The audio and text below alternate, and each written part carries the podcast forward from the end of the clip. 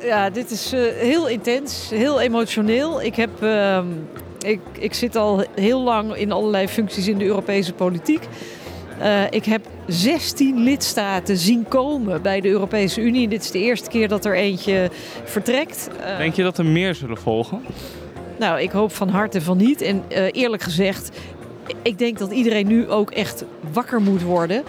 Europa is een succesverhaal. Er is geen continent ter wereld waar het leven uh, zo goed is. Hè, waarmee ik niet wil zeggen dat alles perfect is. Uh, en dat hebben wij wel met z'n allen gebouwd. Dus laten we dat nu ook eens een keer met passie gaan verdedigen. Want voordat je het weet valt het uit elkaar. In het Verenigd Koninkrijk is een meerderheid niet voor de brexit meer inmiddels. Hè? Want uh, de stemming is al bijna vier jaar geleden.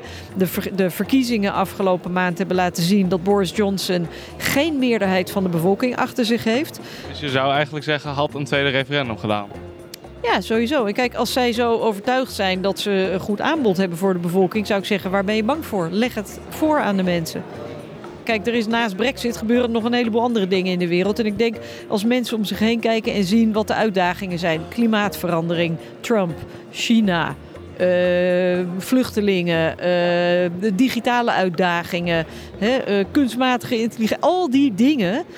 Je hoeft niet heel lang na te denken om te weten dat we dat met Europa moeten doen en met één stem moeten spreken. en ik denk dat de meeste mensen, zeker jongeren ook, dat die dat heel goed in de gaten hebben.